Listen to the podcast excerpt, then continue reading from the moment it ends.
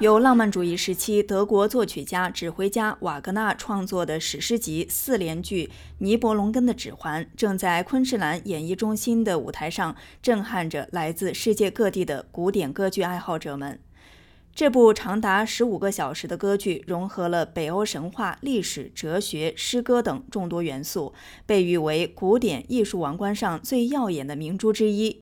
这部歌剧这次由华裔导演陈世铮执导，这在历史上还是首次。陈世铮导演说：“《尼伯龙根指环》结束了一个时代。”瓦格纳的《尼伯龙宫指环》是世界上呃最伟大的一部歌剧，也是我自己觉得，就是这部歌剧以后就没有真正的呃古典歌剧。它已经结束了一个时代。作为一部包罗万象的歌剧史诗，其演出难度之高，被业内视为堪比攀登音乐上的珠穆朗玛峰。男高音江宏新说：“这部歌剧演唱起来很有挑战。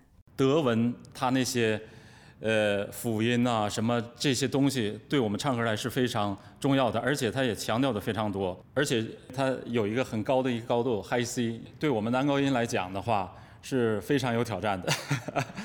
瓦格纳的影响不仅仅是在古典音乐领域，他的作品被运用到多部影视作品当中。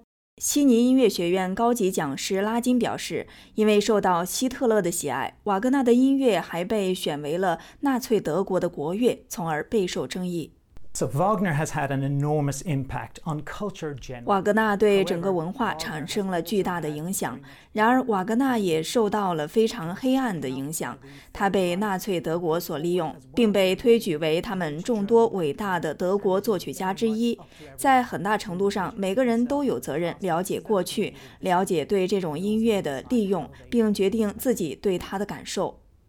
这一次，尼伯龙根的指环正以一种全新的、充满科技感的方式展现在澳洲观众们的眼前。戏剧服装设计师贾维克表示，它是过去与现代的结合。From like animals to 从动物到世界各地的不同文明，从看盔甲到计算机编程语言，我们着眼于整个世界。我们试图找到一种纯粹的视觉表达，它不仅基于过去，也与当代相关。华裔导演陈世正的加盟，为这部西方古典歌剧增加了凤凰等独特的东方元素。头号女主角让她骑凤，她最后和骑龙的这个呃斩龙的这个男一号。呃，成婚恋爱的时候呢，就很像中国的这个嗯龙凤呈祥的这种嗯象征性的东西。主创团队希望通过他们的独特诠释，能让这部经典歌剧与二十一世纪的观众建立新的联系。音乐呢，还是一个瓦格纳的音乐，但是这个整个的一个载体其实是一个数码的载体，所以让他感觉不是一个单纯的欧洲的古典神话，是一个全球新的一个文化的载体。